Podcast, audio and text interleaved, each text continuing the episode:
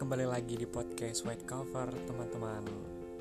Kali ini yang mau saya ceritakan itu terkait dengan suatu um, perasaan mungkin. Um, Jadi um, dulu sekali saya pernah bilang ke seseorang bahwa Aku tidak memaksamu harus suka denganku gitu. Aku tidak memaksamu untuk kamu berbuat baik denganku pun tidak memaksamu untuk berubah demi diriku gitu. aku cuma minta satu hal. Kamu cukup membuka hati saja untuk aku. Udah gitu aja. Terima kasih.